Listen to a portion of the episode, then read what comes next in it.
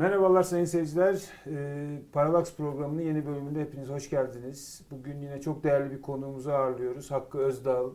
Ee, kendisi e, hem Gazete Duvar'da yazılarıyla hem Medyaskop'taki programlarıyla bu süreçte politik gelişmeler üzerine önemli değerlendirmeleri tanıdığımız bir yazarımız genç kuşaktan. Hoş geldiniz diyorum. Hoş bulduk. Teşekkür. Ee, Hakkı Bey. E, bugün yine aslında e, son dönemde yaşanan Türkiye'deki politik gelişmelerle ilgili, e, seçeneklerle ilgili, ortaya çıkan olanak ve imkanlarla ilgili konuşacağız. Geçtiğimiz hafta Kavala davası sonrasında, Gezi davası sonrasında aslında çeşitli tartışmalar ortaya çıktı. Bu tartışmalar özellikle işte kararın sonrasında Kavala'nın yeniden tutuklanmasının AKP içerisinde, iktidar bloğu içerisinde bir Klikler Savaşı'nın sonucu olduğuna dair bir değerlendirmeye yol açtı. Bununla ilgili tartışmalar yürütüldü. Biz aslında bugün birlikte şunu tartışmaya çalışacağız. Türkiye'nin önündeki seçenekler neler? E, bu son derece şiddetlenerek ilerleyen toplumsal kriz, e, bir giderek devlet krizine de dönüşen bu kriz e, nasıl aşılacak burada konsolidasyon, restorasyon, bir demokratikleşme olanaklarının imkanları neler? Bunun olasılıkları neler? E, ben aslında ilk soruyu bunun üzerinden sormak istiyorum. Siz e, Gezi davası sonrasında yaşanan gelişmeleri nasıl değerlendirdiniz? E, orada gerçekten bir klikler savaşı mı görüyorsunuz yoksa e, politik konjonktüre uygun bir açılım mı yapıldı iktidar bloğu tarafından? Bu süreci değerlendirerek toplantı e, şeye programımıza başlayabiliriz. Ben de öncelikle karşı mahalleye teşekkür ediyorum bu nazik daveti için. Ee, şöyle aslında bir süredir devam eden bir sıkışmanın devamı gibiydi Kavala davasındaki alınan karar ve hemen peşi sıra e, yeni bir kararla Osman Kavala'nın içeride tutulması. Ee, belki hani e, daha önce söylediğimiz bir şeyin tekrarı olacak ama biraz 31 Mart seçimlerinden sonra AKP içinde oluşan hem şaşkın hem belirsiz hem de bu şaşkınlığın ve belirsizliğin yol açtığı bir pay kapma e, geriliminin yeni bir mecrası, yeni bir sahası gibi gerçekleşti. Ee, aynı gün, e, salı günüydü, geçtiğimiz hafta salı günüydü. Ee, 20 Şubat yanlış hatırlamıyorsam hı hı. E, günlerden de, pardon 18 Şubat. Aynı gün Abdullah Gül'ün de Karar Gazetesi'nde bir röportajı yayınlandı ve Abdullah Gül aslında hem AKP'nin içine çok açık mesajlar verdiği, hem Türkiye'yi yöneten e, egemen sınıflara, özellikle Burjuvazi'ye e, çok açık mesajlar verdiği ve yeni bir yol e, önerisinin aşağı yukarı istikametini çizdiği bir e, çerçeveyle çıktı. Hı hı. E, karardan sonra şu tür tartışmalar oldu. Erdoğan ilk kararı da tutuklamayı da kendisi aldırdı. Serbest bırakan da kendisi diye ya da e, Erdoğan'dan bağımsız alındı bu karar ve o çok öfkelendi diye. Tüm bu tartışmalardan bağımsız olarak hangisinin doğru olduğu belki gelecekte e, somut olarak da bildiğimiz bir şey olacaktır ama şu anda bilmiyoruz. Tüm bunlardan bağımsız olarak ortaya çıkan tablo şu, siyasal iktidar zaten güven e, konusunda büyük bir aşınma yaşayan e, yargı süreçlerinde ee, artık hani e, ipin tutmadığı, hiçbir noktadan tutmadığı bir noktaya gelmiş ve kendisi e, hani sabah öğleden sonra alınmış bir kararı ertesi gün tepki göstererek geriye çevirmek yolunda hiçbir beis görmeden yani siyasallaşmasını, yargının siyasallaşmasını aslında siyasal iktidarı elinde tutan bir grubun e, sopası haline gelmesini saklama gereği duymadan davranacak kadar mecbur e, hissediyor kendisini. Bunun nedeni bence şu, siyasal iktidar e, buradan kastım Erdoğan ve Erdoğan'ın yakın çevresi. Hı hı. Ee, bunu belki biraz sonra biraz daha açarız ama eskisi gibi AKP dediğimizde ya da siyasal iktidar dediğimizde, AKP-MHP ittifakı dediğimizde çok monoblok bir şeyden söz etmiyoruz bence artık. Orada daha parçalı, kırılgan, parçalanmaya çok müsait. Ee, hani çatlakları oluşmuş, kırılmak için e, bir küçük itme hareketi bekleyen bir yapı, e, gevrek bir yapı olduğu kanaatindeyim ben kendi adıma e, siyasal iktidarın yani Erdoğan ve yakın çevresinin şu anda Türkiye'nin e, hem ekonomik hem siyasi imtiyazlarını dağıtma yetkisine sahip bir çekirdek kadronun giderek küçülmüş, küçüldüğü oranda dejenere olmuş, yozlaşmış, hani burjuva anlamda da dejenere olup yozlaşmış. Hı hı. Kendi ilişki ağları içinde bile e, eski beklenen e, karşılıkları üretemez hale gelmiş. Bir küçük çekirdeğin elinde tek güç kaldı. E, şu ya da bu şekilde silahlı kuvvetler, polis başta olmak üzere, polis gücü başta olmak üzere E, hatta onu tahkim etmek, bekçilerle tahkim etmek gibi, belki bazı hani paramiliter güçlerle tahkim etmek gibi bazı arayışlar olduğu da çok tartışıldı son zamanlarda. Hı hı. İkincisi de yargı. Zaten birbiriyle bağlantılı iki güç olarak. E, kamuoyu desteği daha önce hep meşruiyet ürettikleri sandık desteği, halk desteği konusunda e, sıcak bir veriye sahip değiliz. Sahip olduğumuz son veri de bu desteğin çok hızlı bir şekilde eridiği yönünde. Sahaya dönük araştırmalar Erdoğan'ın eskisi gibi e, halkın %50'den fazlası beni destekliyor diyemeyeceği bir tablonun ortaya çıkabileceğini gösteriyor. Bunu seçimleri önemsediğim ve seçimler üzerinden bir okuma yaptığım için söylemiyorum. Erdoğan'ın meşruiyet kaynaklarından en önemlisini yeniden sahaya süremez bir kart olarak açamaz koşullarda bulunduğunu vurgulamak için söylüyorum. Bu koşullarda geriye kalan tek şey yargı gücü. Yani toplumda özellikle toplumun e, toplumsal mücadeleye yatkın e, bir az sonra geleceğimiz o üçüncü seçenek bir demokratikleşme hamlesine çevirebilecek Türkiye'yi egemen sınıflarının bu krizini Türkiye'nin demokratikleştiği, e, bölüşüm ilişkilerinin daha adaletleştiği, adil hale geldiği bir sürece dönüştürebilecek güçlerin üzerinde bir baskı oluşturmak hem de kendi klikler ve fraksiyonlar çatışmaları içinde e, yeri geldiğinde benzer bir şekilde sopa kullanmak, sopa gibi kullanmak. E, iki, zaten bunların ikisinde de sorun yaşadığı ortaya çıkıyor çok yakın zamanda gelişen olaylarda. İlki yargıdaki sorun işte bu Gezi davası. E, şimdi şöyle bir şeyi vurgulamak lazım belki. Gezi e, Erdoğan'ın 2013 yılında aslında Erdoğan'ın lineer gibi görünen, doğrusal gibi görünen çizgisinin en önemli kırılma anı. Aslında bütün yaldızı söken, kazıyan. Tılsımı ortadan kaldıran biraz. Evet. Yani e, toplumun farklı kesimlerinde de Erdoğan'a dönük bir beklentiyi, Beklenti. ümidi ya da hala acaba hani ya bunun yerine kim gelecek ki e, şeyini, e, ataletini, hantallığını ortadan kaldıran bir şeye dönüştü. Yani e, biraz kral çıplak dedi Gezi. Oradaki o bütün e, demokratik maskeyi e, ve çok teatral bir şekilde yani Erdoğan'ın başrolünü oynadığı e, ifadeler, çocuk yuhalatmalar, çocuğu ölmüş anneleri yuhalatmalar vesaire hani son derece simgesel, unutulmayacak, tarihe geçecek ve kendisi e, Türkiye siyasi tarihinden silindikten sonra da kendisiyle birlikte anılacak çok fazla e, imge üreterek e, aslında yeni bir yola girdi. O yol e, iktisadi olarak da kaçınamayacağı bir yoldu. Ama sonuç olarak siyaseten Erdoğan'ın e, ilk kez duvara tosladığı e, ve kendi açısından da endişe duyduğu bir süreçti Gezi. Dolayısıyla Gezi ile ilgili bir yargılama Erdoğan için sadece basit bir hukuka hakim olma, yargıçlara, savcılara hakim olma konusundan öte e, kendi iktidarı hem de çok güçlü olduğu varsayılan bir dönemdeki iktidarında Gezi'nin mahkum edilip edilmemesi, Gezi'nin bir suç e, çerçevesi içine alınıp alınmamasıydı. Bu açıdan yargının verdiği karar Erdoğan'ın en çok ihtiyacı olduğu anda yargıya yeterince hakim olup olmadığı konusunda bir tartışmayı açık hale getirdi. İkincisi silahlı kuvvetler dayanabileceği güç. Elbette polis hatta polise ağır silahlar alınması gibi 15 Temmuz'dan sonra pek çok tartışma yapıldı. Polisin de ağır silahları olmalı diye. Fakat e, polisin İdlib'de, Libya'da e, bu uluslararası maceralara katılması mümkün değil. Ve Erdoğan'ın uluslararası maceraları e, iç siyasette de ilgili. Elbette de siyasette Mecbur ilgili. değiliz, mahkumuz. Yorumu aslında tam evet. da bu iç siyasetteki karşılığa bir gönderme gibi okunabilir herhalde. Çok kesinlikle çok şey bir ifade. Ee, çok özet. Hani evet. e, biz arasak hani ben kendi adıma söyleyeyim arasam bulamayacağım bir, bir şeyi çok zor e, kendisi söyledi. Çok haklı, çok doğru.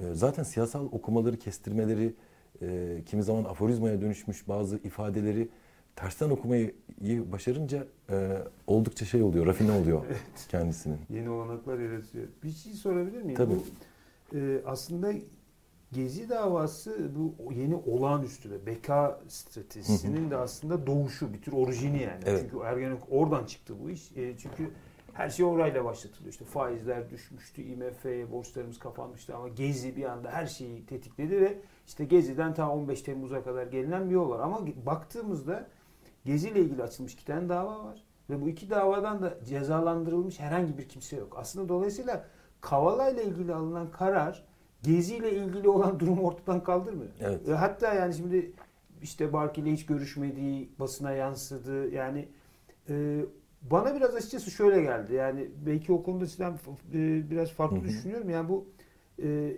aslında Avrupa, Avrupa Demirtaş'a yapıldığı gibi, Demirtaş davasında yapıldığı gibi o Avrupa İnsan Hakları Mahkemesi'ne bir e, falso verilmek istendi. Onun etrafından dolaşılmak istendi ama tabii öyle de bir çerçeve çizilmiş ki Gezi ile ilgili. Gezi davasının bir beraatla sonuçlanmasının toplumsal güçler üzerinde yaratacağı moral etkisinin de bir şekilde preslenmesi lazım. O da büyük bir coşku yaratınca e, Hı tekrar Kavala üzerinden bir güç sınanması gerçekleştirilmiş gibi geldi bana. E, siz gerçekten AKP içerisinde böyle bir klikler savaşı e, Erdoğan'a rağmen bir klikler savaşı pozisyonun olabileceğini düşünüyor musunuz? Böyle bir şey var mı? Hı hı. Ee, bir şeyi ben de hani çok farklı kaynaklardan şu tür şeyler duydum. Hani bu bir Avrupa İnsan Hakları Mahkemesi kararının etrafından dolanma hamlesi diye. Ee, ben şöyle düşünüyorum. Ee, böyleyse bile e, bunun doğru olduğu koşullarda bile operasyon çok başarısız. Başarısız oldu kesin. Evet yani Evet. operasyonun başarısızlığı da e, hani operasyonun yol açtığı e, sarsıntı, ortaya çıkarttığı resim de aslında oradaki e, nüfuz etme kabiliyeti açısından e, soruna işaret ediyor. Evet. Aynı dolanma e, örneğin Demirtaş'ta olduğu gibi e, daha belki kolay yapılabilirdi. Bu arada bilmediğimiz pek çok davada hani e, sanıkları popüler olmadığı için bilmediğimiz pek çok davada ahim kararlarının etrafından bir şekilde dolanılıyor. Belki oralarda da benzer skandallar oluyor ama biz onları duyamıyoruz. AKP içindeki durum e, bence çok yeni bir şey değil. E, aslında AKP'yi e, biraz e, çok ne denir nevzuhur bir e, şey değil de e, figür değil de e, 12 Eylül 1980'de Türkiye'de kurulan bir sistemin e, bir şeyi dönemsel olarak ortaya çıkmış bir mutasyonu onun doğurduğu aslında Kenan Evren, Turgut Özal, Demirel, e, Çiller Erbakan. Evet, hani bir seri olarak gelen e, bir şeyin e, zincirin e, 2000'lerde Türkiye'ye çıkmış ve 2010'larını da Türkiye'nin e, e, yönetmiş, hükmetmiş bir versiyonu olarak görmek lazım. E, bu daima hani e, 12 Eylülcülerin e, ilk sivil iktidarı Özal'ın birazcık başlattığı e, Türkiye sağını e, Türkiye sağının içindeki çeşitli ideolojik, dinsel e, fraksiyonlaşmayı, farklılaşmayı e, bir kapitalist çimentoyla e, ve onlara imtiyaz ve para dağıtarak karşılığında da para dağıtarak bir araya getirme ve o güçlü e, şeyi, gövdeyi e, sandıkta rızaya dönüştürüp e, Türkiye halkının, emekçilerinin üstündeki tahakküm aracı haline getirme. Şimdi çok soy- soyut söyledim biliyorum biraz somutlaştırmaya çalışayım. Özal'ın dört eğilimi vardı işte e, mukat- şey, muhafazakarlar, İslamcılar, liberaller, milliyetçiler. E, dördü de sağcı ve bunlar Anavatan Partisi'ni oluşturuyorlardı. Fakat Anavatan Partisi'nin asıl işlevi e, 12 Eylül darbesine de büyük oranda gerekçe olan 24 Ocak kararlarının hayata geçirilmesi, emeğin örgütsüz hale gelmesi, kamu iktisadi teşekküllerinin topluma ait, kamuya ait varlıkların mümkünse satılması, satmak mümkün değilse ki olmadı, işçi sınıfının direnişleri karşısında satışlar gerçekleşmedi. En azından mevzuatın buna uygun hale getirilmesi, yasal sürecin hazırlanması. E, bu esnada da e, bir takım e, bir hani kendine ait bir iş adamları zen- e, grubunun zengin edilmesi. Kendi burjuva e, Türk Egemen Sınıfların projesi aslında hiç değişmiyor yani. Evet. Yandaş burjuvazi yetiştirme gündemi hep sabit yani. Ta Cumhuriyet'in kuruluşundan beri. beri, değil devam mi? ediyor. Cumhuriyet'in kuruluşundan beri. Evet.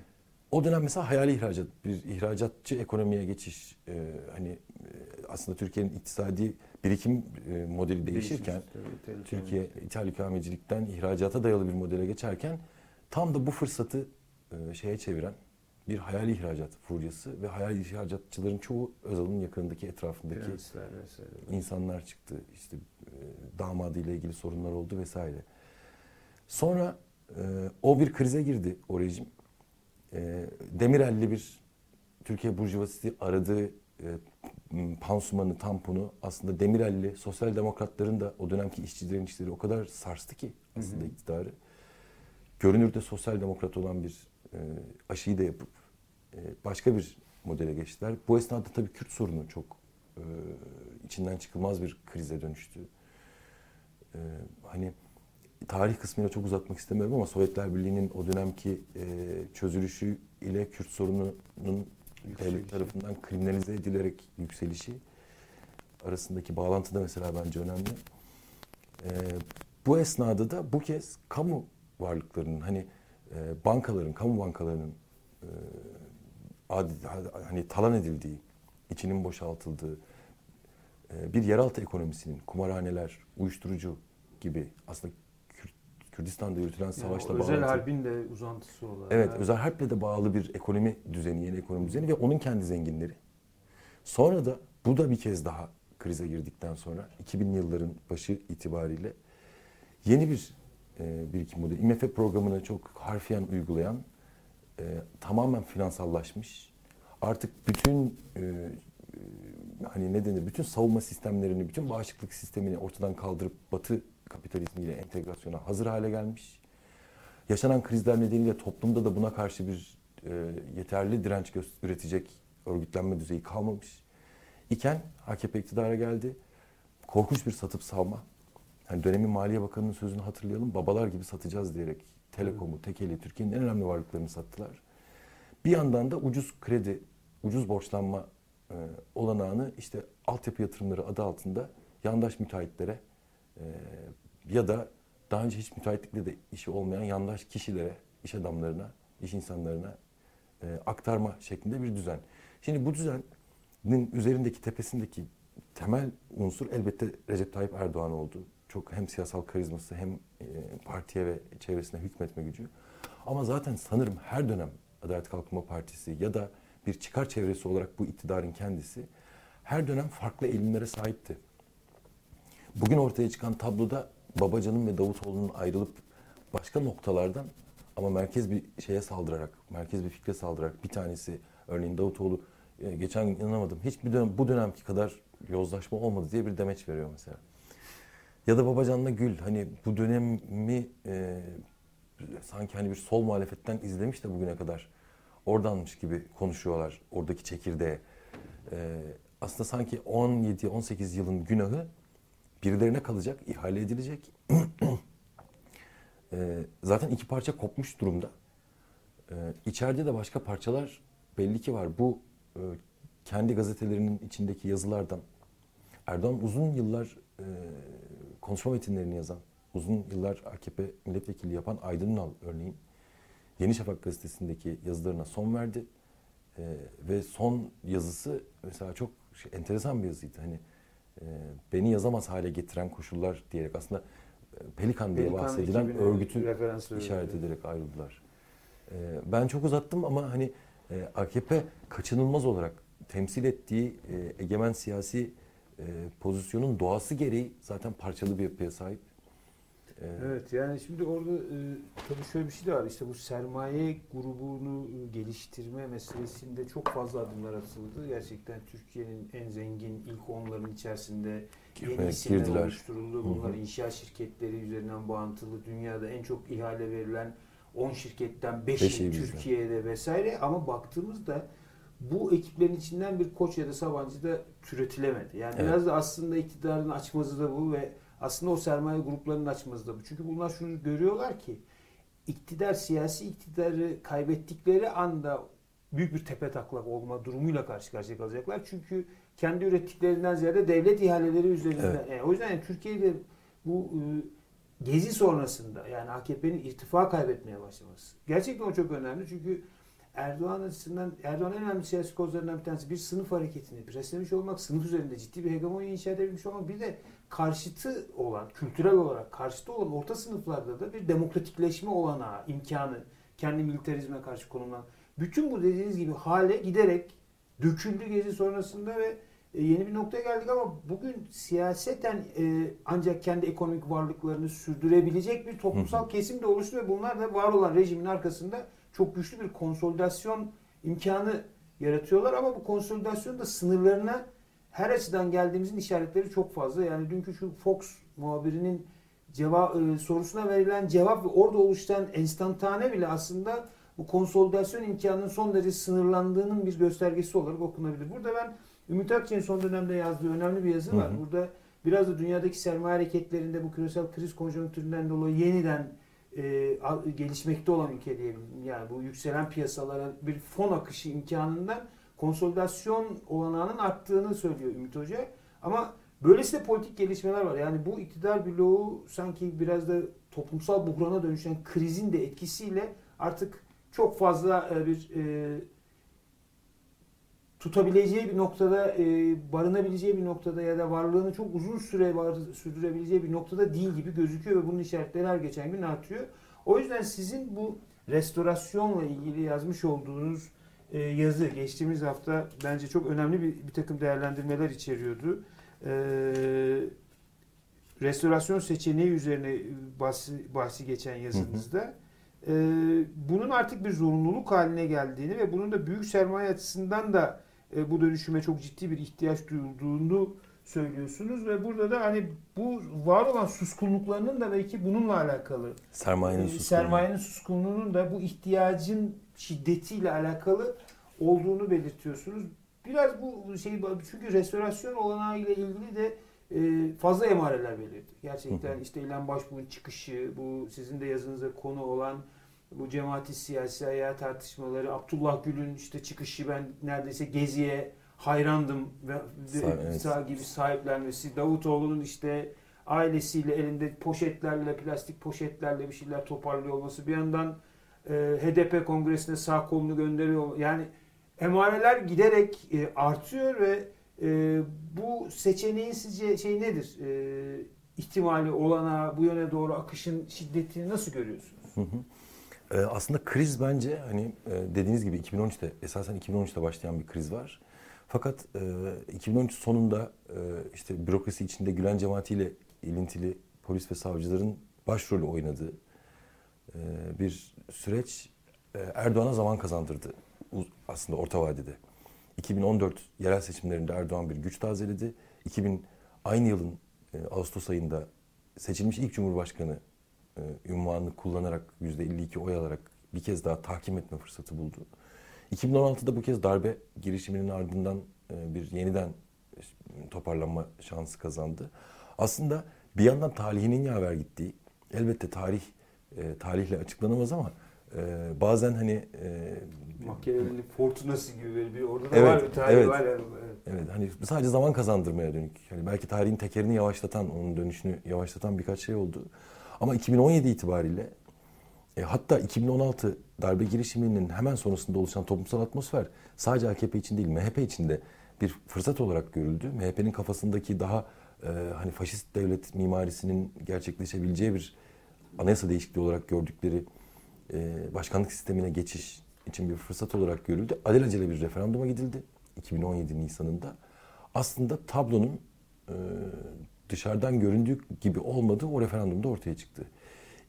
O referandum öncesinde Türkiye e, de burjuva sınıfının büyük sermayenin özellikle İstanbul sermayesi olarak anılan sanayi burjuvasının dediğiniz gibi hala asıl üretimi yapan e, inşaat ve ihale ekonomisiyle kalkınmış olmayan e, en çok sayıda işçi çalıştıran vesaire büyük sermayenin o konudaki tereddütleri hem TÜSİAD'ın kapalı toplantılarında hem de bu sermaye gruplarının temsilcilerinin katıldıkları açık ya da kapalı toplantılarda dile getiriliyordu. Bunu hem duyuyorduk hem okuyorduk. Hem de e, hani duymadık açık kaynaklarda olanları da bizzat hepimiz tanık oluyorduk. E, hatta Erdoğan birkaç kez o hali biz e, grev erteledik o hal sayesinde bir sürü. Biraz da sizin için yaptık diyerek sermayenin itirazlarına dolaylı yoldan ama kavga etmeden cevap da verdi. Onları başkanlık sistemini desteklemeye çağırdı. E, sermaye sınıfı açısından da başkanlık sisteminin çok büyük sorun olduğunu düşünmüyorum ben ama Erdoğan ve Bahçeli'nin özellikle de Erdoğan'ın sürüklediği bir model konusunda endişeleri vardı. Haklı olduğu o endişelerin ortaya çıktı diye düşünüyorum. Orada başlayan bir kriz olduğunu düşünüyorum ben bunun. Bu kriz 2018 yılında e, 2017 referandumunda yaşanan şeyi hatırlıyorsunuz. E, hani sayım sürerken, oyların sayımı sürerken evet, evet, evet Atalan Üsküdar'ı geçti. geçti. O Atalan Üsküdar'ı geçti laf aslında o gece itibariyle geçilen başkanlık sisteminin nasıl bir işleyişe sahip olacağını da gösteren yine e, Erdoğan'ın veciz bir şeyiydi yani siyasi tarihi anlatmak için e, bize bıraktığı bir armağan ettiği bir başlık oldu. E, bu şimdi bizim sermaye sınıfımız için özellikle İstanbul burjuvazisi için çok tercih edilir bir yöntem değil. Ben şunu kastetmiyorum. Ümit Akçay'a o konuda katılıyorum. Demokrasi varsa sermaye gelir. Ee, Evet, böyle bir böyle bir paralellikle söylemiyorum. Demokrasi yokken de sermaye gelir. Hatta bazen demokrasinin olmadığı koşulları tercih eder. Burada sorun demokrasinin olmayışı değil. Buradaki keyfiliğin e, sermaye sahibi sınıflar tarafından yeterince kontrol edilememesi. Onlar açısından Zaman da bir tehdit olarak algılanabilirsin. onlara da tehdit mücadeleye olması. dönük de bir takım yani altyapısal en azından çerçeve kurulmuş vaziyette yani. Tarihimizde de var. Evet.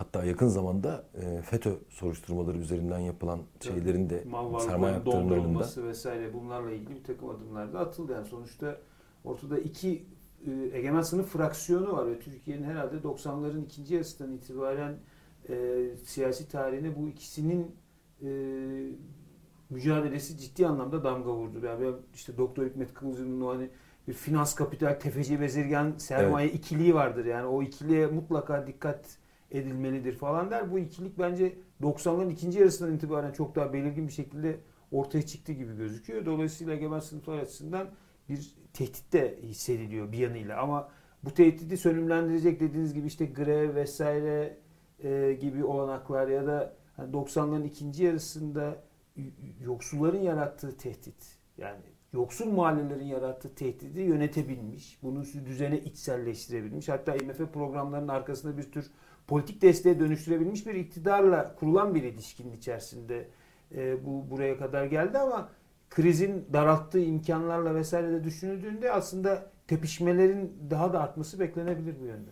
Evet, zaten sanırım öyle oldu. Ee, çok haklısınız. Hani burjuvazi açısından en önemli şeyi Erdoğan'ın e, hani e, en kıymetli yanı bütün o kriz sürecini IMF programlarının arkasına e, bir sosyal yardım ağını, onun dinselleşmiş bir versiyonunu kullanarak Evet. e, şükürle, niyazla, e, tevekkülle örülmüş bir azar ağzı olmayı kültürel, bunu kültürel olarak da çok işleyerek, İslami kodları kullanıp kültürel olarak da çok işleyerek onun arkasına takabilmesiydi. E, bu, bu gücün azalmaya başladığı ortaya çıktıkça Tılsımı biraz da bozamaya. Tılsımı da bozan biraz o oldu. 2018 seçimlerinden çok kısa süre önce Mayıs ayında, 2018 Mayıs'ında e, TÜSİAD'ın Yüksek İstişare Kurulu toplantısında. Ben bu arada bütün siyaseti de TÜSİAD üzerinden okumayı doğru bulduğum için söylemiyorum. Hani şu anda e, Yani konumuz o yani. Egemen Sonuçta, sınıflar, evet, iç- hani egemen restorasyon- sınıflar içindeki çelişkileri konuştuğumuz için ister istemez TÜSİAD'da evet, önemli ben çok sık TÜSİAD diyorum. E, Hatta birkaç arkadaş da şey diyor. Ya sen sana kalsa Türkiye'yi TÜSİAD yönetiyor. öyle olmadığını düşünüyorum. Elbette öyle olmadığını düşünüyorum ama hani restorasyon ihtiya- ihtiyacı derken e, ne kastediyorum? Onu söylemeye çalışıyorum. 2018 Mayıs'ındaki Yüksek İstişare Kurulu toplantısında çok sert eleştiriler yönelttiler Erdoğan'a ve Erdoğan aynı akşam yani ertesi gün e, yine çok sert karşılık verdi. E, hesabını sorarız dedi. Sutre gerisinden atışlar var yani. Bu aralar çok fazla seziliyor. Evet. O bir şeydi aslında hani e, ilan edilmemiş, daha önce çok açık edilmemiş bir gerilimin açığa çıkmasıydı. 2018 seçiminde de kazandı Erdoğan ama 2019 yerel seçimlerinde tablo tamamen değişti. Koç grubu en kıymetli adamlarından bir tanesini İstanbul Belediyesi'ne e, gönderdi. Onun Ekrem İmamoğlu'nun danışmanı oldu. E, verilen mesajlar genel olarak Türkiye'nin bazı konularda demokratikleşme falan gibi kulağa hoş gelecek şeylerle söylense de aslında bazı konularda normalleşmesi, e, sermayenin kendini daha güvende hissetmesi yönünde mesajlar Yani verildi. Fenerbahçe ekseninde yaşanan tartışma bile aslında Tabii ki. orayla bağlantılandırılabilir. Hatta ben Kavala'ya özel olarak bu kadar ciddi anlamda yönelilmesinin de bir e, tür o mecraya verilen bir mesaj olduğunu düşünüyorum. Evet, bir tür hani kalede rehin tutulan Evet e, yani hani her çünkü bu güvencesizlik yani e, bizim memlekette öyle bir böcek var ben çok korkarım. Çünkü yani kimin üstüne düşeceği hiç belli olmaz. Yani hani moz böceği. o, o onun o, o kapasitesi etrafında kendisi açısından büyük bir güvenlik yaratıyor. Şu anda da yani hukukun bu kadar askıya alınmış olması ve bu yaratılmış olan güvencesizlik atmosferi iktidar açısından ciddi bir yönetilebilme. Yani bunu kasten de biraz da yapıyorlar yani. Yani siz ya bu kadar da hani hukuksuz bir şekilde yönetmek nasıl olabiliyor dedi ama o onun aslında bir yönetme tarzı çünkü bunun yarattığı korkuyla bu süreci idare edebiliyor. Bu kadar ittifak kaybederken e, bu süreci idare edebiliyor gibi de bir yanıyla gözüküyor. Yani Gül'ün çıkışı da aslında yani Gül'ün çıkışında da şunu hepimiz sezdik. E, Gül'ün kendi e, şimdiye kadarki siyasi tarihinde görülmedik çapta bir böyle bir e, yüksek perdeden bir şey siyasal İslamcılık bitti. Yani çok fazla yere çok fazla sinyal gönderen bir içerik biraz kendi hareketinin işte gecikmesinden kaynaklı herhalde e, azalmakta olan beklentileri de yeniden yükseltmek için bir çıkıştı vesaire. Onu bu restorasyon içerisinde nasıl değerlendiriyor? Çünkü biraz da hani bu aralar benim gözlemleyebildiğim bu potansiyel Cumhurbaşkanı adayları arasında da bir böyle bir e, tepişme başladı. Evet. evet. E, bu hani en azından benim çocukluğumda vardı. E, noktaları birleştirerek bir resim çıkardı ortaya. Hı hı. E, hani noktaları kalemle takip edince ortaya bir resim çıkıyordu. E, ben Gül'ün röportajını biraz ona benzettim. Gül'ün söylediği başlıca 4, 5, 6 şeyi peş peşe koyunca benim gözümün önünde bir resim canlandı. Bir tanesi şu, Karar Gazetesi'nin de başlığa çektiği parlamenter demokratik sisteme dönüş. Ben bunun e, Türkiye'de hem burjuvazinin hem de bürokrasinin, devlet içinde e, Türkiye'de iktidara bir şekilde ortak olmayı başarmış bürokrasinin e, yeni dönem bu restorasyon ihtiyacının e, ana sloganı olacağını olduğunu düşünüyorum. Hı hı. E, parlamenter demokratik sisteme dönüş daha önce Akşener'in de e, sık sık dile getirdiği, Kemal Kılıçdaroğlu'nun zaten dile getirdiği, e, HDP'nin itiraz etmeyeceği, e, işte Davutoğlu'nun ve Babacan'ın da daha önce çeşitli vesilelerle söylediği bir şey. E, belli ki yönetici sınıflar açısından da başkanlık sistemi deneyi daha fazla uzatmadan e, bunu kapatıp parlamenter sisteme dönmek fikri baskın çıkıyor gibi görünüyor. Evet. Orada e, Akşener atıf yaptınız. O enteresan. Akşener hatta bunu Erdoğan kendisi bu adımı atacak diye. Evet. Öngörü. Çünkü orada şunu da herhalde görüyorlar. Başkanlık rejimi şu anda Erdoğan'dan çok e, belki de MHP evet. yarıyor. Yani çünkü MHP yani %5'lik bir oyla yani ne kadar koruyor korumuyor onu da bilmiyorum ama yani %5'lik %6'lık bir oyla kendisini ana iktidarın tam da göbeğine çatmış, güvenlik aygıtının da merkezine oturtmuş gibi bir pozisyon kazanıyor. Dolayısıyla yani bu başkanlık sistemiyle ilgili eleştirileri en yüksek perdeden Bahçeli.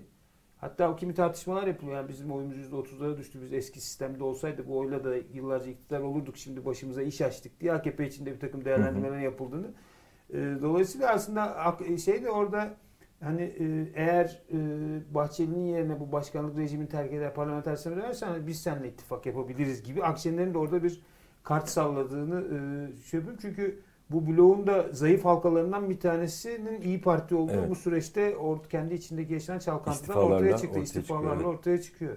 Ee, şimdi tam da buradan aslında belki şeye geçebiliriz. Yani bu bir tarafta evet bu restorasyon ve bunun yaratacağı politik olanaklarla ilgili de heyecanlanan bir politik elit var. Şimdi geçen Kemal Gözler'in bir makalesi vardı anayasa hukukçusu. 55 tane herhalde Kasım'a kadar 55 tane yayınlanan Cumhurbaşkanlığı kararnamesinin 31 tanesi daha önceki Cumhurbaşkanlığı kararnamelerini düzeltmeye dönük. Yani bu zaten yani bürokrasi açısından yani bu parlamenter rejime dönüşün ne anlama geldiğini de aslında ortaya koyan. Çünkü kimsenin ne yaptığını bilemediği, herkesin yukarıdan gelecek emri beklediği, bütün bürokrasinin çöktüğü, bütün kurumsal altyapının çöktüğü bir dönem. Ee, ama şimdi Türkiye bir yandan da bilmiyorum yani biz 90'ları da yaşadık. Hani 90'ların ekonomik krizlerini de biliyoruz. İyi kötü. Yani 2001 krizini çok içinde merkezi hı hı. olarak yaşadık. Ama bana öyle geliyor ki yani bu kriz kadar, bu iktisadi kriz kadar, bu yaşadığımız şey kadar toplumun canını yakan da şimdiye kadar olmadı. Ben de bunu biraz şeyle açıklıyorum. Ee, bu krizden önce insanlar işsiz kalıyordu ama biraz bir tarımsal arka plan vardı. Tarımsal yapı çözüldü yani. Bu, bunun sağladığı tüm güvenceler, aile yapıları, kentleşme aslında bir tür yeni bir sosyoloji yaratıyor ama bu dayanışma ilişkilerin en formal ağların daha da zayıfladığı bir şey. Bir de çok borçlu insanlar. Yani, yani bu borçluluk da işsizliğin kendisini iyice korkunç bir e, yenilgi haline dönüştürüyor ve intiharlarla bunu karşılıyorlar. Dolayısıyla yani parlamenter rejime dönüş emekçiler açısından aslında ana slogan değil. Yani ana slogan evet. insanlar açısından güvence, gerçek bir demokrasi. Belki demokrasinin sadece siyasi alana değil, iktisadi alana da yayılması. İnsanların sendikal özgürlüklerinin önüne açılması, örgütlenme, grev hakkının güçlenmesi o yüzden e, bizim yani sol kanat açısından biraz kendimiz açısından bakarsak biz tabii hep karşı tarafta neler yaşandığına evet. bakmak durumunda kalıyoruz ama kendi tarafımıza bakarsak bizler bir demokratikleşme olanağına bunu dönüştüremez miyiz? Yani Türkiye'nin e, devrimcileri, demokratları, sosyalistleri, Kürtler, kadınlar, gençler, ezilenler, LGBT bireyler yani bir özgürlük bloğuyla bu süreci bir e, krizin de yarattığı bu büyük tahribata karşı bir halklar açısından, ezilenler açısından bir iyileşme olanı haline dönüştüremez miyiz? Kesinlikle bence hani e, yapılması gereken şey bu. Hani e, Türkiye'yi yönetenler, burjuvazi, devlet bürokrasisi, Türkiye'nin İslamcı ve faşist partileri, e, işte sosyal demokrat görünümlü Burjuva Partisi, sağcı partileri büyük bir krizdeler. Çıkış yolu bulabilmek için yamalı bohça gibi koalisyonlar oluşturmaya çalışıyorlar falan. Bunu şu konfor altında yapıyorlar. Bir üçüncü yol, üçüncü yol tabiri ne kadar doğru bilmiyorum ama bir başka yol, yeni bir yol e, endişesi yaşamadan yapıyorlar. O yol sizin az önce tarif ettiğiniz yol. Türkiye'nin emekçilerinin, yoksullarının, borçlularının, işsizlerinin, işportacılarının e, işte günde 8 saat, 10 saat alışveriş merkezlerinde ayakta çalışıp sadece kredi kartı borcu e, ödeyen insanların bu yeni ekonominin yarattığı yeni e, sömürü biçimlerinin altındaki insanları birleştirecek bir program. Hani ben bir gazeteci olarak e, elbette elimden geldiğince siyasete de katılıyorum e, ve e, siyasetçilik yani siyaset yapmakla gazeteciliğin e, bağdaşmayacağını düşünenlerden değilim. Hı hı. E, herkesin örgütlü olması gerektiğini düşünüyorum vesaire. Ama bireysel olarak akıl verme ya da bir e, program önerme e, yetkinliğinde, gücünde hissetmiyorum kendimi. Fakat Türkiye toplumunu böyle bir program etrafında örgütleyecek Kürtleri, emekçileri, kadınları saydığınız bütün o e, kesimleri örgütleyip burjuvaziye, bürokrasiye, devletin hakimlerine hatta belki e, küçük burjuvazinin, orta burjuvazinin bazı kesimlerini de bir demokratikleşme, tabii, tabii. iktisadi alanın daha demokratikleşmesi konusunda e, ittifak olarak yedekleyebilecek, kendisine katabilecek bir yolun e, örülmesi lazım. Bu yolun başarılı olması için koşullar çok olgun, çok gelişkin. Yani Bekir Arda'nın şöyle bir e, hoş bir analizi var. Sık sık da tekrarlıyor. Bu çok hoşuma gidiyor. Yani e, matematikleştirmek açısından işi kolaylaştırıyor. Yani Türkiye'de 100 kişiden 50'si e, aslında çalışma hayatında, 50'si zaten işte çalışma hayatı dediğimiz yani bu bir para kazanma. Çünkü ev, evde çalışan kadınları da yani istihdam dışında saydığı için kadın arkadaşlar o konuda uyarıyorlar haklı olarak. Yani onlar da yani istihdamın içerisinde bir yanıyla ama bu para kazançlar açısından zaten 50 kişi e, işsizlikle vesaireyle beraber bunların sayısı şu anda net 37 kişiye düşmüş durumda. Yani 100 kişinin içinde 37 kişi şu anda bir ve bunun 30'u da geceye yatağa gittiğinde Allah'ım ya işimi düşün. kaybedersem yani bir e-mail gelirse bir telefon SMS'i gelirse işimi kaybedersem borçlarımı nasıl ödeyeceğim diyor. Yani şimdi böyle bir sosyoloji var. Böyle bir korku bunun üstüne bir de bir yandan deprem. Yani böyle bir kurumsal yapıya sahip neredeyse yani kurumsal anlamda e, çözülme görüntüleri veren bir devlet ve bir yaklaşmakta olan bir deprem tehdidi. Bir de üstüne şimdi koronavirüs, koronavirüs. tehdidi. Herkes sokakta bakıyorum. İşte uçak inmiş, Ankara'ya inmiş, varmış, gelmiş, gitmiş. Yani böyle muazzam bir korku ve güvencesizlik halinde şu anda bu parlamenter rejime dönüş programı emekçiler açısından aslında çok da heyecan uyandıracak bir şey değil. O yüzden de e, bu dönem yani bu büyük politik kriz işte 31 Mart sonrasında yaşanan şey karşı blok denen restorasyon bloğu da halkın meseleleriyle ilgili aslında ortaya somut bir proje koymadığı için son derece heyecansız, son derece cılız. Aslında bu liderlerin kendi aralarındaki dalaşmaları dışında bir ciddi politik gündem ortaya çıkar. Halbuki Türkiye toplumunun önünde belki önündeki 30 yılı, 40 yılı belirleyecek bir şeye doğru geliyoruz. Bir konağa doğru, bir e, dört yol ağzına doğru noktası. geliyoruz. Bir kavşak noktasına geliyoruz ve bu kavşak noktasında bizim mutlaka e, bizim derken halkın alttakilerin, ezilenlerin mutlaka olması lazım. Evet onlar bir arada bu ihtimali ortadan kaldırdıkları için biraz da bunun rahatlığıyla hareket ediyorlar ama mesela geçtiğimiz hafta sonu yaşanan HDP e, kongresi bu konuda bir yeniden bir e, umut tazeleme noktasında da bir imkan sundu gibi gözüküyor. Çünkü yani büyük baskılar yani dünya çapında belki bir örnek yani bu kadar yoğun tutuklamalar vesaireler ama yine insanlar e, coşkulu bir şekilde oraya gidip coşkulu bir şekilde halay çekip bir e, inatla yine yan yana durma konusunda bir ısrar da gösterdiler.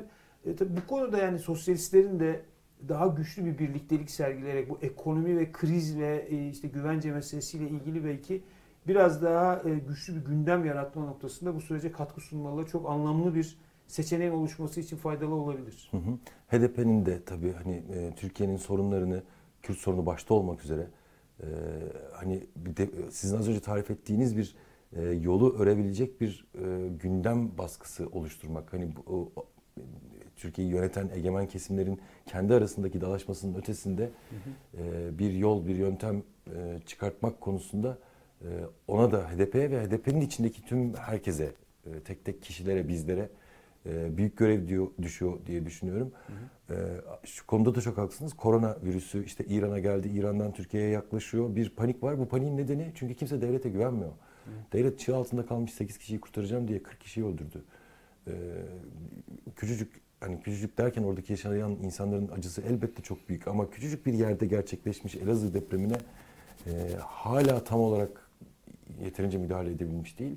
Herkes görüyor ki başımıza bir şey gelirse e, Sahipsiziz. bu yiyicilerin kurduğu, geride bıraktığı bir şey yok. Sahipsiziz evet. Yani e, bunu, bu gerçeği doğru dürüst anlatabilirsek, sadece bizim anlatmamızla da ilgili değil elbette ama anlatabilirsek o dediğiniz yol çok mümkün. Türkiye'yi demokratikleştirecek bir başka halk hamlesi çok mümkün bence de. Evet. Peki. Çok teşekkür ediyorum. Ben Hakkı teşekkür ederim. katılımınız için. Gerçekten çok açıklayıcı bir tartışma oldu.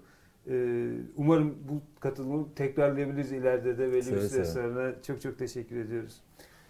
Evet sevgili Karşı Mahalle izleyicileri, e, Hakkı Özdal'la birlikte Türkiye'nin önündeki politik seçenekleri değerlendirmeye çalıştık. Son dönemde yaşanan sıcak gelişmeleri, sıcak tartışmaları e, okumaya çalıştık birlikte e, gücümüz yettiğince. E, bizi takip ettiğiniz için çok teşekkür ediyoruz. Sonraki programlarda buluşmak üzere. Kendinize çok iyi bakın.